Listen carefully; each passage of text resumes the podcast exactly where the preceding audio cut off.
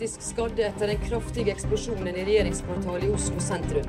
Dagene som følger, kommer til å kreve enda mer. Hurtigruten får kraftig kritikk etter smitteskandalen i sommer. Folk ble ikke testet i tide, mistanke om smitte ble ikke fulgt opp, og karantenereglene ble brutt. Det blir en uh, lang vei for oss. Jeg har svikta igjen og vil si unnskyld. Jeg har et alvorlig rusproblem bestående av alkohol, narkotika og piller i forbindelse med periodevis hard festing. Men Norge har kommet gjennom vanskelige tider før. Skredet i Gjerdrum 30.12. har berørt oss alle. Ti mennesker mistet livet, mange ble skadet, mange hundre ble evakuert, og mange mistet hjemmene sine. Og det er uvisst når de som fremdeles har hus, men som står på usikker grunn, får komme hjem. Dette er også krisen hvor nødetatene fant hverandre, i motsetning til 22.07. Og det er mange historier om heltedåder både av privatpersoner og blant redningspersonell. Og vi så Gjerdrum kommune som sto plutselig midt i flomlyset, som stedet der det uvirkelige skjedde. I en uoversiktlig situasjon der innbyggerne i bygda var savnet, vann borte, strømmen var gått og folk ble evakuert bort fra det store, mørke hullet i landskapet, sto en ordfører støtt men i fortvilelse og i sorg sammen med innbyggerne. Men også klar med viktige tiltak på kort og lang sikt. Og i tillegg til ordfører Anders Østensen sto også politiets innsatsleder og tålmodig informerte og delte status i katastrofen som bare vokste ettersom dagslyset kom. Politiet, som alltid har det overordnede ansvaret på et skadested, sto overfor krevende utfordringer disse dagene ved årsskiftet. Det var et enormt behov for rask og etterrettelig informasjon til befolkningen, helt vesentlig i krisehåndteringen. Og hva skjedde egentlig i kulissene her i forhold til krisekommunikasjonen? Du hører nå på Kriserådet, en podkast for deg som står i en krise, har opplevd en eller frykter at du vil oppleve en. Og vi er Siv Meisingseth. Og Marianne Melfall. Og vi har i denne episoden vært så heldige å få med oss han som var ansvarlig for kommunikasjonen i disse krevende dagene i politidistrikt Øst, og han heter Øystein Stavdal Paulsen. Og Øystein han var på hyttetur på Vestlandet da han fikk ansvaret for å lede kommunikasjonsstaben operativt. Og han ble på sitt digitalkontor, og mener det fungerte godt. Hans øyne og ører på stedet var resten av staben. Han viser til nye, gode digitale verktøy og kanskje økt digital kompetanse utviklet under koronaen. Så kanskje noe godt har kommet ut av denne pandemien. Ja, eh, men noen punkter da, før vi slipper til Øystein. Det er jo flere ting som vi har sett ved kommunikasjonsarbeid i denne krisen. Og aller først. Politiet har kanskje fått sitt svar på Espen Nakstad, nemlig innsatsleder Roger Pettersen som fra første stund var tydelig, konkret og ga uttrykk for at han skjønte medias behov for informasjon og forklaringer. Og tidlig ble også da følgende besluttet, som viste seg å være ganske smart. Politiets operasjonssentral ble oppbemannet for å besvare mediehenvendelser de første timene med eget nummer. Så ble det da avsatt en egen innsatsleder eh, dedikert til media. Og det var her eh, Pettersen tok da de fleste skift, men eh, også andre hadde denne funksjonen. Så var det slik at vanlige prosedyrer om godkjenning av talepunkter og oppgaver som tilhører kommunikasjon, rett og slett ble hivd over bord. Det var innsatsleder som fikk fritt spillerom, og brukte kun da kommunikasjon etter behov. Det var tett samordning mellom innsatsledere i alle nødetatene. Eh, så når da innsatsleder politi gikk ut, så var dette eh, godt brifet og godt kvalitetssikret i forhold til informasjon hos de andre. Og det gjorde jo da at man oftere kunne gå ut. Det var en bra hyppighet i pressebrifene. Og det gjorde også at kommunikasjon fikk frigjort kapasiteten. Og En slik eh, arbeidsform det krever jo tillit da, mellom involverte, og ikke minst kunnskap og stor presisjon. Og Det viste seg jo også at pågangen på medietelefonen den gikk kraftig ned, ettersom spørsmål ble besvart på direkten av innsatsleder eller andre som deltok i pressebrifene. Mediene fikk stille spørsmål helt til de var fornøyd, og Pettersen med flere viste en imponerende tålmodighet. Veldig tålmodighet, mener mange. Mm. og noe annet vi da også så her, som er ganske typisk og kanskje verdt å merke seg til senere planer, det er følgende. Første fase i denne type hendelse katastrofer. Den såkalte kavefasen, som handler om hva som har skjedd, og fakta rundt dette. Det går fort, og det er krevende, men det handler altså mest om fakta som skal bekreftes eller avkreftes. Det er det vi bruker tiden på i kommunikasjonsarbeidet. Og I tillegg så letes det etter øyevitner, mennesker av kjøtt og blod, som kan fortelle hvordan de opplevde dette. Men den neste fasen, hvor journalistene graver dypere, den er faktisk enda mer krevende. Her forsøker man å forstå hvordan det kunne skje, og da er det jo også naturlig nok skyld som skal fordeles. På det tidspunktet er vi allerede ofte slitne av å løpe. Og det er jo ikke noe mindre viktig i denne fasen å ikke trå feil. Og denne fasen kommer, ser vi, i uh, ulike kriser raskere og raskere. Og for Gjerdrum-raset så kom de kritiske spørsmålene på fullt mandag 4.1. Både til politiet og til kommunen. F.eks.: Hvorfor uh, har man bygd hus på kvikkleire? Og her vil vi jo si, eh, Siv, at Gjerdrum mm. kommune gjorde et godt valg. Fordi de jobbet jo raskt for å tilgjengeliggjøre alle relevante historiske dokumenter. Det brukte de mye tid på. Krevende oppgave. Og i tillegg til at ordfører fra første stund sa at skulle det vise seg at kommunen hadde gjort noe feil, så skulle ting endres så de aldri mer gjentok seg. Det sa han fra tidligere. Mm. Men la oss nå høre hvilke betraktninger Øystein Stavdal Paulsen, som altså var kommunikasjonsansvarlig i politidistrikt Øst, har gjort seg så langt. Og jeg spurte han hva var det første dere gjorde da meldingen om raset kom? Vi ble varsla via SIM-melding og telefonoppringninger. Og da satte en av oss i bilen og kjørte til politihuset i Ski, der staben samles. Og Det viktige da var jo å starte å forberede arbeidet i, i staben. Og For vår funksjon så var det kommunikasjonsarbeidet. Og Det handler da kanskje først og fremst om å sørge for at politiet ivaretar kommunikasjonsansvaret sitt. Og informerer berørte og befolkningen for øvrig om situasjonen, slik at folk er i stand til å jeg kaller det gjerne informerte valg for å ivareta egen sikkerhet og egen situasjon. Så må man jo også legge planer for hvordan funksjonen skal driftes med personell. Dette er en situasjon som kan pågå over lang tid. Det var døgndrift de første, første døgnene, også for oss. Og vi er bare fem i vår kommunikasjonsavdeling i Øst politidistrikt. Så da måtte vi også kontakte gode naboer, bl.a. Oslo politidistrikt, hvor vi fikk god bistand på kommunikasjonssiden av personelle ressurser. Mm. Men vi som jobber med kommunikasjon, vi er jo vant til at vi skal være med på å lage talepunkter og være ansvarlig for budskapene og sånn, men i denne situasjonen her så, så, var det ikke sånn. Ja, vanligvis så er det jo sånn at uh, man utarbeider budskap, og så knar litt på det og går litt fram og tilbake, og det forankres og man vrir, og vrir på ord, og emninger og komma. Men i denne situasjonen her, når det var en akutt pågående eh, rashendelse, så var det veldig viktig at politiet var raskt ute med korrekt informasjon til de som var berørt og andre. Og da var det egentlig ikke tid til å holde på den eh, arbeidsmetodikken. Så vi avklarte ganske raskt i stad at eh, innsatsleder på stedet fikk egentlig helt frie tøyler til å, til å uttale seg. Og det fungerte jo veldig bra.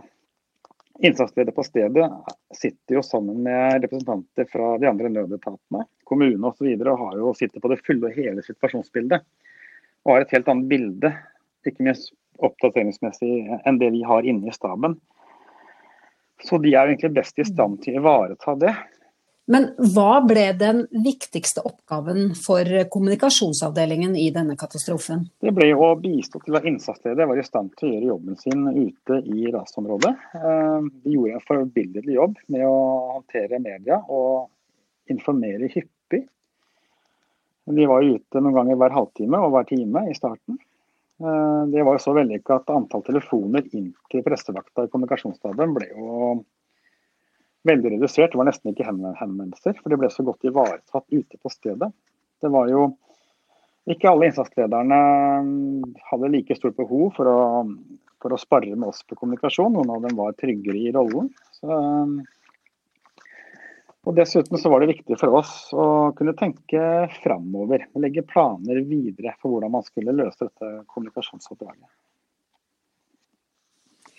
Denne katastrofen er jo blitt omtalt som historien da ressursene fant hverandre, og kanskje litt i motsetning til 22. juli-håndteringen.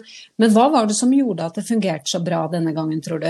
jo etter 22.07 så ble det jo pekt på diverse eh, svakheter og forbedringspunkter i eh, nødetatene og andre virksomheter. Så mye av det er jo nå blitt uh, lukka, disse avvikene. Jeg tenker f.eks. på Nødnett, som gjør at man kan samhandle på ett uh, i en gradert sambandsplattform, alle nødetatene. Og ikke minst at man har kanskje øva mer på dette med nabohjelp. Vi i politiet har jo øva litt på det i kommunikasjonssammenheng. Det har eh, skjedd ganske mye siden 22.07. Hvordan jobba dere sånn helt konkret med kommunikasjonsoppgavene i, i løpet av eh, de første dagene her? Vi fordelte oppgaver eh, mellom oss. Noen satt jo i stab og fulgte stabsmøter og planla osv. Og, så og hadde kontakt med strategisk nivå. Andre var mer operative og uh, oppdaterte politiet.no og hadde kontakt med innsatsleder og operasjonsleder. Det var jo varierende hvilken grad innsatsleder trengte bistand fra oss på kommunikasjon, men vi snakka sammen egentlig i hvert skift og avklarte tidspunkter for pressebriefer osv. Så, så var det alltid noen som fulgte pressebrifene live og skrev resymé og formidla det innholdet da, til bl.a. operasjonsleder, og publiserte det på politiet.no. Og På den måten så sikra vi jo at politiet ikke hadde ulike talspersoner med ulike budskap. Underveis i denne katastrofen så publiserte jo dere ganske jevnlig på hjemmesiden. Men hva med bruken av sosiale medier, var det viktig for dere? Sosiale medier har ingen stor plass i vårt kriseplanverk. Det er politiet.no som er vår hovedkanal. Vi har riktignok Twitter, som operasjonssentralen håndterer, med tanke på operative hendelser. Eh, vi følte at vi fikk den informasjonen vi trengte å få ut. Den ble gitt gjennom politiet.no og innsatsledere på stedet. Så vi føler ikke noe særlig behov for eh, Eller vi så ikke at sosiale medier kunne gjort noe stort for oss i denne situasjonen. Men det kan være andre situasjoner hvor det er mer aktuelt. Mm. Men Øystein, hvor var du hen eh, da dette skredet skjedde? Og du da var jeg på juleferie på hytta i Vik i Sogn. Ja. Og ble du der, eller dro du til Ski? Jeg ble der og eh, jobba derfra. Og gikk jo inn i en skiftordning hvor jeg da leda krisekommunikasjonsarbeidet. Det var jo mulig fordi vi har fått ganske gode IKT-systemer, bl.a. etter 22.07. Og også koronasituasjonen, som har gitt oss veldig god trening i å sitte hjemme og samhandle i møter og, og gjøre jobben uh, hjemmefra. Nå er det selvfølgelig Altså, du mister jo litt ved å sitte hjemme når du ikke kan være til stede i et møte praten som er rett før møtet og etter møtet og under møtet, hvor man kan gjøre sånne raske avklaringer gjennom blikkontakt. ikke sant? Og Det mister man jo ved å sitte hjemme på å delta på møter gjennom videokonferanse. I en sånn ulykke som det her, så er det jo dessverre savnede. Og hvordan gjorde dere den kommunikasjonsjobben der, eh, da dere skulle gå ut med antall savnede? Ja, vi hadde jo tallproblematikken fra Utøya da frist i minne. Vi, vi, hadde en diskusjon om vi skulle gå ut med et innledende tall på savna. Eh, vi snakka litt fram og tilbake og landa på at vi skulle være så åpne som mulig. Og På et tidspunkt da så sa innsatsleder på en pressebrief at 26 personer ikke var gjort, var gjort rede for. Og Det tallet ble da nedjustert pressebrief for pressebrief, og vi havna da til slutt på ti. Jeg tror ikke vi skal være så redd med å gå ut med slik informasjon men vi må da være tilstrek tilstrekkelig kvalitetssikra. Og som, i, andre, mange, som i mange andre sammenhenger da, så er det jo fasiten som viser hva som er riktig.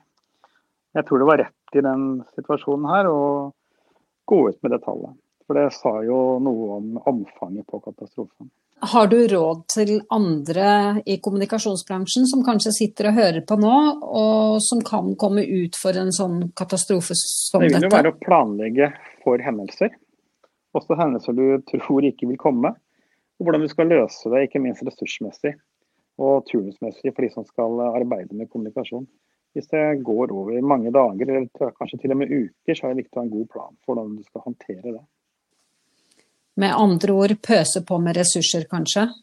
I den første fasen. nødvendigvis pøse på med ressurser, men ha nok ressurser. Slik at man kan gå over døgnet.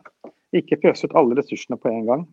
Holde folk hjemme, slik at de kan være i stand til å gå på jobb på kvelden og eventuelt ta, jobbe skift på natten. Kjempeviktig å disponere folka sine lurt, og det ser vi også de store etatene har gjort. Eh, Og det er også morsomt å se hvor godt de har samhandlet. Og da gjør det jo også kommunikasjonsjobben lettere. Da er informasjonsflyten både kjapp og presis. Og det vi har sett her, Siv, er jo eh, talspersoner som er så gode også i det vi har snakket om før, hode, hjerte, hender. Og hvordan da Pettersen eh, forteller hva han vet. Men han er respektfull og ydmykt preget av de menneskene som er rammet. Samtidig så er han handlekraftig og viser konkret hva man nå gjør. Og det gir jo tillit til at han har kontroll, da. Absolutt. Og så er det jo et interessant spørsmål når vi nå vet at innsatsledere opererte med eh, mer eller mindre på egen hånd kanskje i forhold til vanlig kommunikasjonsprosedyre sånn vi kjenner det, uten godkjenning av talepunkter etc. Og la oss da spørre oss spørsmålet hva om dette ikke hadde vært en redningsoperasjon, men en skarp pågående situasjon, f.eks. en terroraksjon? Ja, ja vi, vi, kjenner jo situasjoner hvor det er et stort behov for kontroll på informasjonen. Og det er jo ja, terror, eh, pågående skoleskyting, eh, som ville kreve at man jo holder den informasjonen på en helt annen måte. For ofte så har vi jo kriser hvor vi, har folk til, eller vi ønsker å ha folk til å gjøre noe, som evakuere, holde seg i ro. Samtidig så skal vi unngå frykt og panikk. Det betyr at vi må fintenke i forhold til ord og formuleringer. Og her var det jo da en redningsoperasjon hvor uh, liv ikke kunne gå tapt pga. feilinformasjon. Men, men presisjon er jo uansett viktig, da. Tenk da på pårørende som her ventet og håpet, og hvordan hvert eneste ord som sies, faktisk blir tolket. Ja, Marianne, skal vi oppsummere noen punkter fra de som håndterte kommunikasjonen hos politiet i forbindelse med Gjerdrum-raset? Ja. Ikke nøl med å be om ekstrahjelp umiddelbart. Nabohjelp for kommuner og nødetater er ofte undervurdert. Disponer mannskapet ditt klokt. La folk gå hjem for å sove. Er krisen stor, og blir ikke trykket noe mindre, men spørsmålene endrer seg i neste fase. Det må vi også være klar for. Digital krisehåndtering kan også fungere godt, men gjerne i kombinasjon, og helst, med ører og øyne på skadestedet og tett på øvrige aktører. Og det siste gode talspersoner avgjørende for presis og tillitsvekkende informasjon. Mm. Denne tragiske hendelsen vil så klart prege oss alle i lang tid, og våre tanker går til alle dem som må bære med seg sorgen framover. Mange i redningsstabene vil trenge tid til å fordøye sterke inntrykk, og et lokalsamfunn vil for alltid være merket av dette skredet. Ja, Vi har jo da ønsket å formidle noen umiddelbare erfaringer og mulige læringspunkter fra krisehåndteringen i Gjerdrum så langt. Og vi i Kriserådet vil benytte anledningen til å honorere alle dem som gjorde en innsats da det gjaldt som mest. Beredskaps-Norge har dyktige folk. Tusen takk for at du fulgte oss i Kriserådet.